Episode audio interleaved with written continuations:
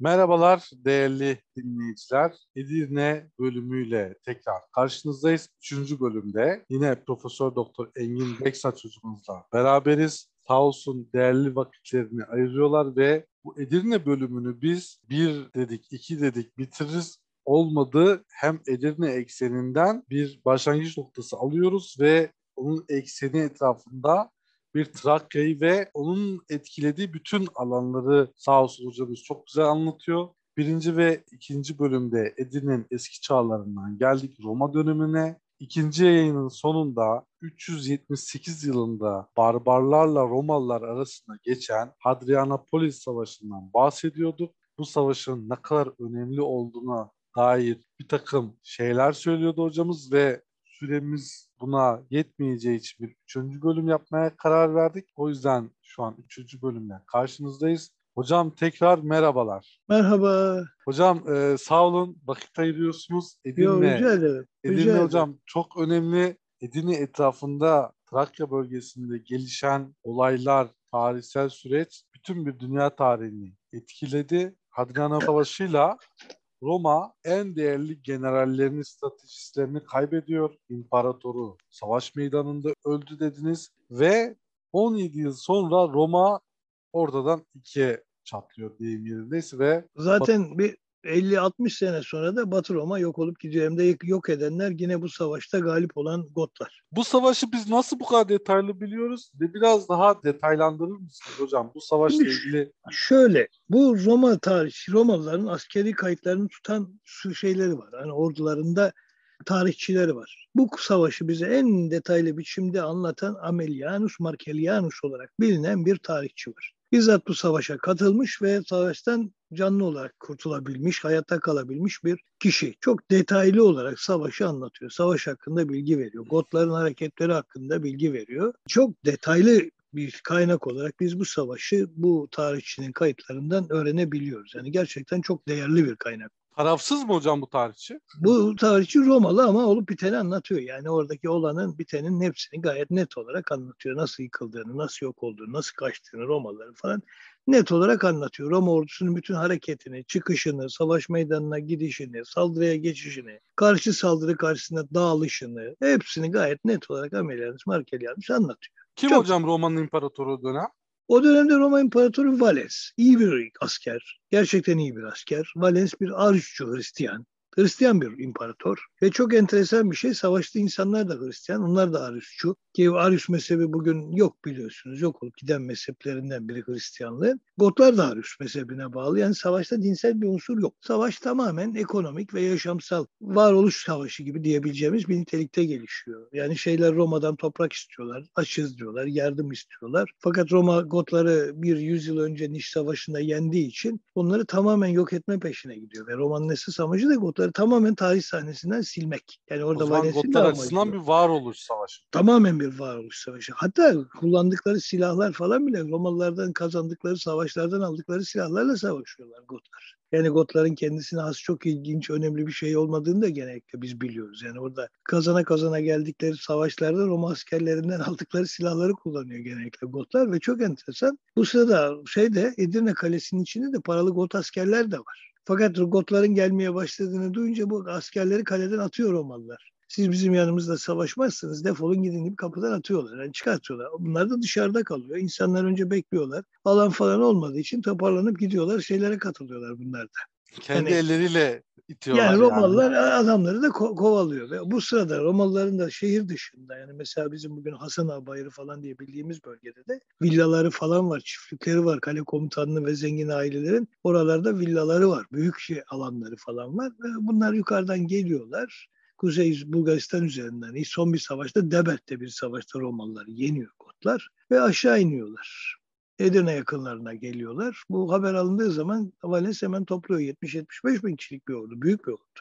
Ve toparlanıyor ve kendinden çok emin. Gelen şeyler işte bir küçük bir atlı araba grubunun geldiğinden bahsediyor savaşta. Ve Valens bunu çok rahatlıkla alt edeceğini, yok edeceğini bilerek savaşa gidiyor. Yani bu bir yok etme savaşı Valens açısından da. Ama Valens'in gözden kaçırdığı bir grup var. İkinci bir kanadı daha var şeyler. Gotların ve Alanların, Hunların birleştiği bir süvari grubu var. Onu Yani iki ordu geliyor aslında. Esasında iki ordu farklı bir biri saklanarak geliyor, biri önden geliyor, yerleşiyor, yukarıda mevki alıyor. Bu alan bugün tartışmalı. Murat Çalı taraflarında mı oldu, daha aşağıda mı oldu o konusu tartışmalı var. Orada bir yer var. Yani benim şahsi kanım tariflere uyan yer Yıldız Tabya denilen bir tepe var. Muhtemelen savaş orada geçti. Bugün yani askeri bölge içinde kalıyor bu bölge. O nedenle çok detaylı araştırma yapmak mümkün değil. Muhtemelen bu savaşın geçtiği yer o. Çünkü bir tepeden bahsediyor kayıtlar. Tepenin üstünde Gotların arabalarını kullanarak bir şey koruma hattı oluşturduğundan bahsediyorlar. Bu Fritagen komutasındaki grup. Bir de başka bir şefin komutasında bir şey var. Bunlar da yiyecek bulmak için Nike'ye saldırıyorlar. Yani bugünkü Hasköy taraflarına gidip oradaki depoları yağmalamaya gidiyorlar. Fakat o esnada savaşın gelişmesiyle birlikte 9 Ağustos sıcak, korkunç sıcak Edirnes gazı için savaşın başlamasıyla birlikte tepedekiler Romalıların üstüne yalan şeyler, balyalar atmaya falan başlıyorlar otlakları tutuşturuyorlar. Bu dumanı gören öbür grupta aniden gelip Roma ordusunun üstüne bindiriyor. İki kanattan birden, tepenin iki yan tarafından birden gelen bir süvari kanadı var. Ve direkt olarak çembere alıyorlar Romalıları süvarisiyle, piyadesiyle sıkıştırıyorlar Romalıları. Roma tepeye çıkarken orada yakalanıyor bu süvari. Muhtemelen denildiğine göre Valens'in şeyden haberi yok. Bu süvari gruplarından haberi yok. Ötringilerin gelen grubundan haberi yok. Bu sadece gelen yani kendisine gelen bilgiler bu arabalarla gelen grubun yani Fritagen'in komutasındaki grubutan bahsediyor. Yani bir istihbarat hatasından Roma İstihbarat hatası mu? var ve çok kendinden çok emin. Çok büyük bir orduyla gidiyor. Yani yok Aslında etmiyor. Edirne'de beklese değil mi? Ya da Valla Edirne'de beklese de yine şey değil. Bekleyecek bir çare de yok. Çünkü adamlar yaka yaka geliyorlar. Orada bütün çiftlikleri, müflikleri yakmışlar. Yol üzerindeki ne bulurlarsa yaka yaka geliyorlar. Yani başka çaresi de yok. Roma'nın ya bunları yok edecek ya kendi yok olacak. Peki hocam bunlara bir toprak verse, daha önce traklarla yaptığı işte, gibi onlara bir alan verse. Hadi ama burada... orada ilginç bir şey daha var. Dendiğine göre bu savaşta traklar da o esnada varlığı sürdüren Trak aileleri ve Traklar da Romalılara karşı Gotlarla işbirliği yapıyor. Yani bu da yani söylenen bir olay. Roma baskısı çok şiddetlidir bu dönemde yerli halk üzerinde. Ve muhtemelen diyorlar yani oradaki Trakların da şeylere bir yol göstermesi oldu, bir akıl vermesi oldu diye bazı tarihçilerin kayıtları var. Ya Edip orduların nereden ilerleyeceği anlamında. Çok enteresan. Yani bölgeyi çok iyi gösteren birileri var muhtemelen ve bölgeyi çok iyi kullanıyor Gotlar ve Roma şeyde kalıyor. Yani sıkışıyor. O kalabalık ordu birbirlerini eziyor adeta ve orada bir gözüne bir ok saplanıyor Valens'in. Alıyorlar bir eve götürüyorlar falan. Evde yakıyor şeyler. Sonra ne ceset kalıyor ne bir şey kalıyor ve en büyük generalleri. Bütün kurmayı yok. Önemli komutanları yok. Kaçabilen zaten o kadar az kişi var ki yani 5-10 bin kişi ancak kaçıyor. Koca ordudan. Ordunun üçtekinden fazlası yok ediliyor. Düşünebiliyor musunuz böyle bir savaşın varlığını ve bu ha, ha, askeri stratejilerde hala okutulan bir savaş. Ben şöyle diyorum Amelianus Markelianus. Tam tepeye giderken bir şimşek gibi diyor. Bir yıldırım çaktı sanki diyor. Üstümüze diyor süvari geldi diyor bir yıldırım gibi savaş meydanına daldı diyor. Barbarların atlıları ve biz ne yapacağımızı şaşırdık kaldık diyor. Ve orada işte kaçabilenlerden, kaçabilen çok çok az sayıda insan Edirne Kalesi'ne kaçıyor. Bir kısmı da kalenin önlerinde kale kapıyı kapattığı için kalenin önünde öldürülüyor. Yani böyle büyük bir katliam savaşı. Yani suvariler kaçanları kalenin dibine kadar takip mi ediyor hocam? Evet. E yok etmiş. Bugün mesela Edirne surlarının önünde cesetler var, mezarlar var. Sıra sıra altı kazılarında da çıktı. Yukarıda Makedonya Kulesi'nin altında da çok sayıda ceset çıktı. Kalenin dibine gömülmüş. Muhtemelen bu savaşlarda kalan cesetler ona. Çünkü malzeme o dönemi gösteriyor bulunan malzeme. Müzede gördüğüm fibula bir Vizigot fibulasıydı. Ne müzesi hocam? Biraz daha açar mısın? Edirne Müzesi'nin koleksiyonlarında orada zindanaltı kazılarını yaptıkları dönemde bulmuş oldukları şeyler var. Bazı malzemeler var. Onların arasında görmüştüm. Bu fibula dediğiniz şey pelerini tutturan iğne evet, mi? Evet pelerini tutturmak için kullanılan bir tür iğne.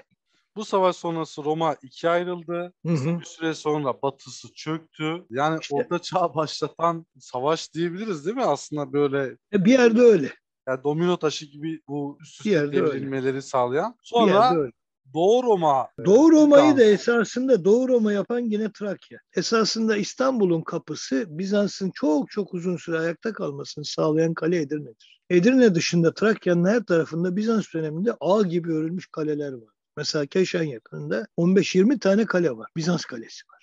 Bunların hepsi savunma attı. Mesela şeyin yukarısında Kırklareli'de bu şey var. Yoğun Taş köyü var. Onun arkasında korkunç büyük bir kale var. Büyük Yani Süvari hocam Galip- batıdan gelen tehlikeye karşı Bizans kendini? Tabii İstanbul'u koruyor. Daha sonra işte o şey duvarlarıyla Bizans'ın kendi şehir öncesinde kalan Valens'inde yaptırmış olduğu duvarlar var ve diğer imparatorların da büyük baştan başa Karadeniz'den Marmara'ya kadar giden askeri savunma hatları var ve onun dışında ister mesela bugün Tekirdağ'da ister Kırklareli'de pek çok kale var. Bunların çoğu birbirlerini göre göre şey yapabiliyor. Kuleler var, kaleler var. Çok enteresan bir tahkimat hattı vardır Bizans. Trakya Bizans'ın esasında ruhu. Yani burada az önce bahsettiğim romanın o tarıma bağlı olan şey ve belki de çok uzun bir süre Bizans ekonomisini, hayvancılığını ve tarımını ayakta tutan Trakya'dır.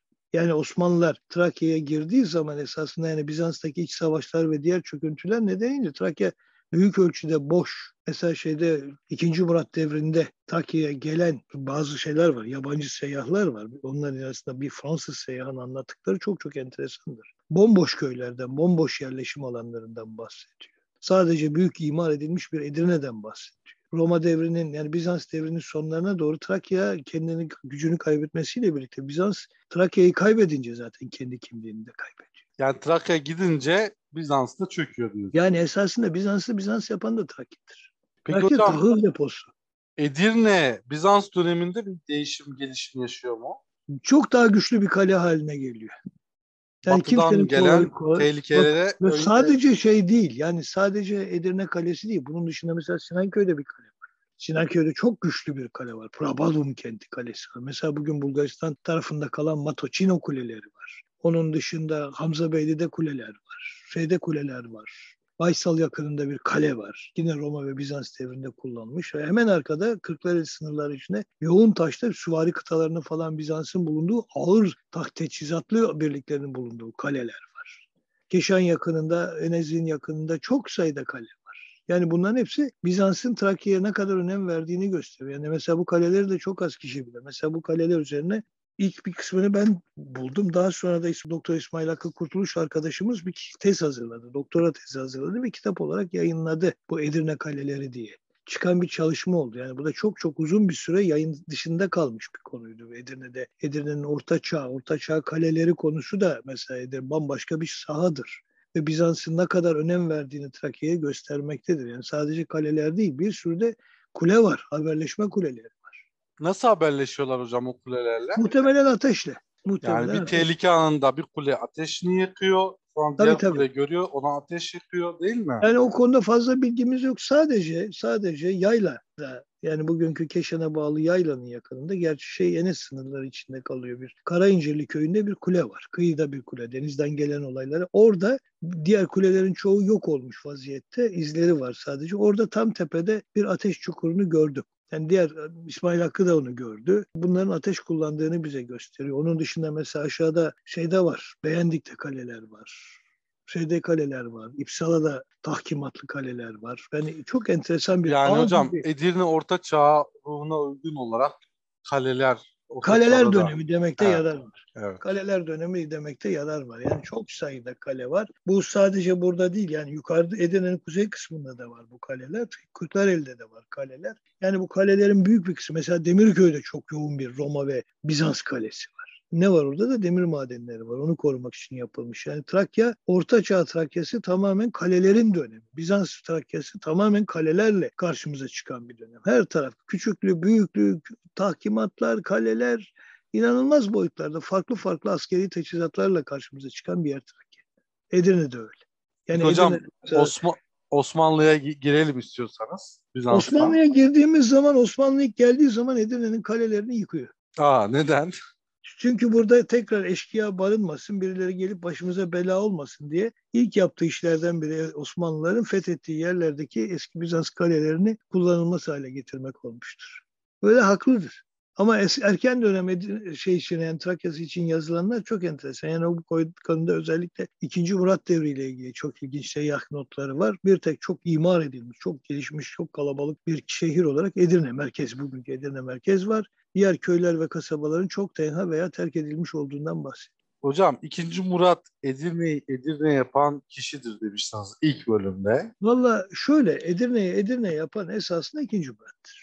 Yani her ne kadar Fatih Fatih dense de Fatih Edirne'yi pek seven bir hükümdar değil. O İstanbul hocam. O İstanbul'un şeyinde istediğiydi o. Yani onun yaşam çocukluktan gelen bazı şeyleri var. Yani kendine göre düşünceleri var. O nedenle ama Edirne'yi gerçek anlamda ilk defa fark eden şey Orhan Gazi zamanında Osmanlılar Edirne'nin önemini, askeri önemini fark ediyorlar. Yani Bizans'ın ve Roma'nın o görmüş olduğu yolları kontrol etme, batıya karşı doğuyu koruma, Trakya'yı koruma ve aynı zamanda üst olarak kullanarak batıyı nasıl kontrol edebileceklerini fark ediyorlar. Daha önce mesela Dimetoka'da Osmanlıların bir yerleşim süreci var.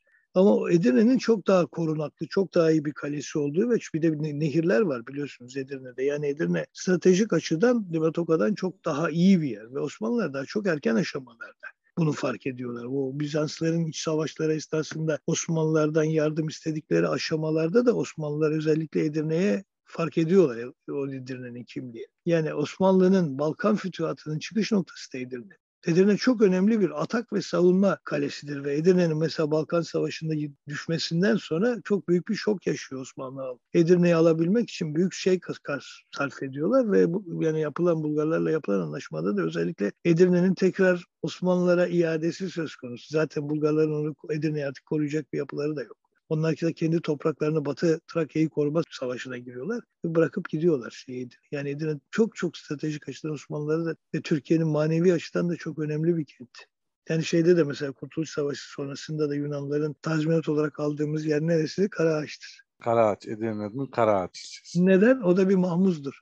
Ne demek mahmuz hocam? Askeri mahmuz. Yani bir harekat o zamanki savaş stratejilerine göre nehir ötesinde bir üst tutarak oradan düşmanla savaşırken nehir engeline takılmaksızın geçmek. Yani Meriç Nehri'nin ötesinde bir toprak alanı tabii, elde etmek. Tabii Anladım. hem psikolojik hem askeri açıdan bir harekat merkezi. Bugün bile hala o harekat merkezi kimliğini koruyan bir yer orası.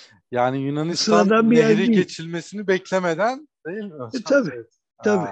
Yani öyle bir şey var. Yani Anladım. özellikle savaş tazminatı olarak Sembolik şey, değil yani aslında stratejik hatta bir. mesela şeyler var. Çok enteresan kartpostallar var. İkinci Balkan Savaşı sonrasında basılmış. Çok enteresan. Doğan Edirne'nin üstünde doğan güneş ve savaşan bir Türk askeri. Süngüsüyle ayakta duran Türk askeri falan. Çok enteresan afişler var. Çok enteresan kartpostallar var. Görsel kültüre girdik yine hocam. Yani Orada da şeyi görebiliyorsunuz yani Edirne'nin stratejik önemini görebiliyorsunuz. Edirne'nin kimliğini görebiliyorsunuz. Yani Bizans için Edirne neyse Osmanlı için de Edirne aynı şey. Hocam ikinci Murat dediniz. Edirne Edirne yaptı. Başka kimlerin Edirne'de el, el izi var hocam?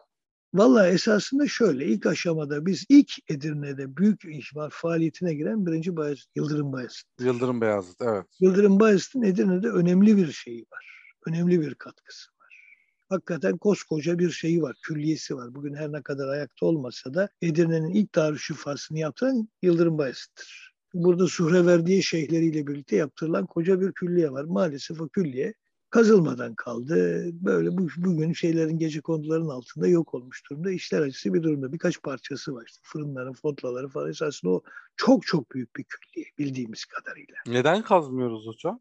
Valla bilemiyorum. O öyle kaldı. Yani genellikle insanların gözden kaçırdığı bir külliye. İki, esas büyük yapı şey olarak Yıldırım Bayezid devrinde başlayan bir şey var Edirne'nin. Daha sonraki süreçte Fetret devrine geldiği zaman Edirne yine çok önemli. Yani savaşan bu Çelebilerin yani Süleyman Çelebi, Musa Çelebi'nin falan da esasında başkentlerini yapan yer yine Edirne. Yani Edirne o dönemde de çok önemli. Yani Süleyman Çelebi Edirne ağırlıklı bir merkez tutuyor. Daha sonra Musa Çelebi yine Edirne merkezli bir yapıda direniyor. İşte Edirne yakınlarında yenildikten sonra Çelebi Mehmet döneminde Çelebi Mehmet biraz şey yani çekiniyor. Halkla arası pek şey değil Edirne'deki halkla. O daha ziyade Bursa üzerinde şey olarak kalıyor. Ve dikkat edersen bak şeyde Edirne'de hiç o dönemden kalma bir padişah türbesi yoktur. Evet. O da çok enteresandır. Yani psikolojik olarak ilginç bir yansımayı gösteriyor. Yani o bambaşka bir konu, tartışma konu. Hocam bir, iç savaşta yani Fetret devrinde burada konumlanmadığından kaynaklı olabilir mi? Hep rakipler orada durduğu için. Batıya açık.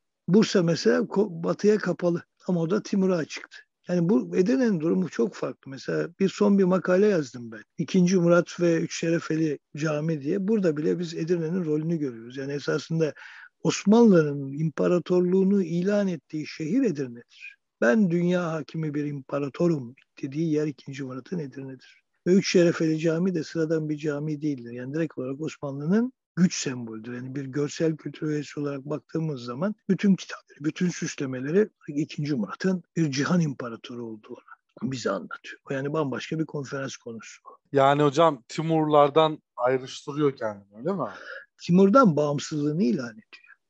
Zaten o sıralar Timur gücünü kaybediyor. Yani Şahruh Mirza'nın yaşadığı dönemi çok enteresan. 1445'te bitiyor üç, şey, üç şerefeli. Fakat gerçek açılışı 1447. Neden? Çünkü şu, Mart 1447 tarihinde Şahruh Mirza'nın ölüm haberi geliyor. Şeyin açılış tarihi o Mart 1447'den sonra Üç Şerefeli Camii'nin açılışı. Yani Şahruh Mirza hayattayken o camiyi açsaydınız siz, o cami tipik... Savaş nedeni. Tabii. Değil mi? Şahruh Savaş Mirza, ilanı demek. Şahruh Mirza şey diyen bir adam. Cihanda bir tek hükümdar olur. iki tane hükümdar olmaz. Yani ikinci Murat'ı şey olarak görüyor. Yani kendine vasal olarak görüyor şey, Şahruh Mirza. Ve ikinci Murat'ta hiçbir zaman onunla savaşmak istemiyor. Gayet diplomatik bir tarzla izliyor. E çok akıllıca bir strateji değil mi? İkinci Murat çok akıllı bir adam. Yani çok iyi bir hükümdardır. Belki de Osmanlı Osmanlı yapan hükümdar benim şahsi görüşüm ikinci Murat'tır. Yani Fatih'in doğuşu da tesadüf değil o zaman yani. Babasından... Fatih, Fatih'in doğuşu esasında çok enteresan bir öykü. Fatih'in iki tane abisi var. Fatih evet. üçüncü oğul. İki oğul da ölüyor av kazalarında ve Fatih ondan sonra zaten itinayla yetiştirilmeye başladı. Yani o da bambaşka bir konuşma konusu. Yani daha bambaşka bir olay. Osmanlı tarihinin gerçekten çok ilginç bir süreci o Mehmet Salih. Peki hocam ikinci Beyazıt, Yıldırım şey Yıldırım Şimdi Beyazıt, şöyle, ikinci, ikinci Beyazıt'ın ikinci Beyazıt'ın Edirne'ye katkısı var. İkinci Beyazıt Edirne'yi seven bir hükümdar. Gerçekten ikinci Murat Edirne'yi seven bir hükümdar ve koskoca bir külliyesi var. Yani ilk defa Edirne'de yapılan bir halveti yapısını ortaya koyuyor. Şey halvetidir. İkinci Bayezid halvetidir. Ve gayet güzel bir darüşşifa ortaya koyuyor. Yani arasının Edirne ile iyi olduğunu biliyoruz ikinci Bayezid'de. Hocam halvetiyi biraz açar mısın? Halvetiye bir tarikat bir mezhep, bir sünni bir mezhep. Yani şeylerden Hanefi, sünni Hanefi mezheplerden biri. E, enteresandır. Genellikle ibadetin sessiz yapılmasını, içeri kapalı olmasını, dünya nimetlerine karşı daha dikkatli davranılmasını falan isteyen ilginç bir tarikat Halvetiye. Hemen Ömer el Halveti tarafından oluşturulmuştur. O daha önce bahsettiğim Suhreverdiye ve Bayramiye tarikatları ki şey 2. Murat Fatih Sultan Mehmet Bayramiye'ye bağlı. Hacı Bayramı Veli'nin. Bir şey de işte bu halveti yolda öyle gelişen bir tarikattır. Yani bugün hala yaşayan bir tarikattır. Çok geniş kolları vardır halvetiyenin. Şey evet. bir tarikattır, Sünni, Hanefi bir tarikattır. Yani diğer şeylerin farklı özellikleri var. Yani halvetiyenin değişik şeyleri vardır yolları vardı ki Osmanlıların büyük bir çoğunluğu da padişahların halvetidir. İkinci Beyazıt Külliyesi de bu öğeleri. Muhtemelen öyle. Hatta ve hatta Selimiye Camii de yine bir halveti şey. Yani oradaki Selim de şeydir. O da halveti kökenlidir. Mesela Yavuz Sultan Selim de halvetidir. Kanuni de halvetidir. Ta ki şeye kadar, 1. Ahmet'e kadar. 1. Ahmet Aziz Mahmut Hüdayi Hazretleri'nin Celvetiye'ye bağlıdır ki Celvetiye de esasında halvetiye ile irtibatlı, inkisaplı bir tarikattır. Yani esasında İstanbul'daki Sultanahmet Camii de esasında bir Celveti Camii'dir. İlk bakışta bu fark edilebiliyor mu hocam? Mesela Selimiye ile... Dikkat edeceksen edilebiliyor. Ne bunlar ayrıştıran şeyler? Kullanılan renkler, semboller, kullanılan ayeti kerimeler, diğer mesela kelamı kibarlar, hadisler bazı şeylere baktığınız zaman görebiliyoruz. O konuda ben yıllar önce Selimiye ile ilgili bir konuşma yapmıştım. İşte son defada makale olarak şeyi yazdım. Selimiye'yi yazamadım. Düşünüyorum onda yazmayı ama Üç Şerefeli ve İkinci Murat diye bir makale yazdım. Orada ele aldım. Edirne ve caminin durumunu ele aldım. Hemen say. Peki hocam çok güzel. Bence Edirne'yi çok etraflıca hakkını vererek anlattık. Osmanlı dönemi Edirne'si bu şekilde Bizans'tan sonra şekillendi dedik. Benim Balkan... şahsi kanım son Edirne'deki son Osmanlı sesi de şeydir. Bugünkü Karaağaç'taki tren istasyonu yani bugünkü Güzel Sanatlar Fakültesi ile meydanda evet, çok güzel bir bina gerçekten. binaları o da Osmanlı'nın son sesi. Bir de yukarıda Cumhuriyet devrinden kalma birkaç tane bina var. O da işte ilk Cumhuriyet devrinin. Mimar Kemalettin değil mi hocam? O, Mimar Kemalettin. Mimar Kemalettin. O da evet. benim şahsi son Osmanlı yapısı. Konferanslarımda hep o yapıyı ben bitiririm anlatırken Osmanlı kimliğinin son örneği diye. Cumhuriyet dönemi Edirnesi ile ilgili Cumhuriyet dönemi Edirnesi biraz daha farklı. Oradaki birkaç başka yapı var. Halk evi yapıları var, şeyler var. Yukarıda birkaç yapı daha var. Ve o arada tabii bazı şeyler var. Yani yabancı ekaliyetlerin yaptığı yapılar da var. O 19. yüzyıl Edirne'sinin başka bir yüz. Mesela en büyük sinagoglardan biri de Edirne'de hocam. Başka dini Edirne'de kiliseler. çok sayıda sinagog var. O son ayakta kalan sinagog. Çok sayıda sinagog var. Edirne bu bu değişik inançların da bir arada Öyle, bayağı uzun süre kaldığı Öyle. bir şehir. öyle, öyle, öyle. Peki hocam bugünkü Edirne ilgili ne düşünüyorsunuz şu an? Bu konuda çalışan Edirne? arkadaşlar farklı. Daha değişik arkadaşlar var. Ben şey, yani benim alanım eski. Bugünkü Edirne bu eski Edirne'nin üzerine çökmüş bir Edirne diyebilir miyiz hocam? Yok tam diyemeyiz. Tam diyemeyiz. Yani o da, onu da kimseyi suçlamak istemiyorum. Peki hocam bu bugünkü Edirne, Cumhuriyet dönemi Edirne'ye çok fazla girmiyorsunuz anladığım kadarıyla. Daha eski Edirne sizin için Öyle. e, daha önem arz ediyor. Hocam Hı hı. programı çok güzel sonlandırdık sanırım Edirne ile ilgili. Çok teşekkür ederim. Sağ olun. Bu fırsatı verdiğiniz için çok teşekkür ederim Mehmet Salih. Hocam ben çok teşekkür ederim. Çok sağ olun. Güzel bir Edirne üçlemesi çıkardık böylece. Müsaadenizle programı sonlandırayım. Teşekkürler. Gel Anlat'ın 3. bölümünde Bizans dönemi ve e, Osmanlı dönemi Edirne'sine giriş yaptık. Trakya Üniversitesi Sanat Tarihi Bölüm Başkanı, Görsel Kültür Yüksek Lisansı Anabilim Dalı Başkanı, Profesör Doktor Engin Beksaç bizi Edirne merkezli bir tarihsel yolculuğa çıkardı. Kendisine çok teşekkür ederiz. Çok sağ olun hocam. Bizi Ben teşekkür ederim. Sağ olun. Çok teşekkür ederim. Ben teşekkür ederim. Başka yayınlarda görüşmek dileğiyle şimdilik hoşça kalın. Kendinize iyi bakın.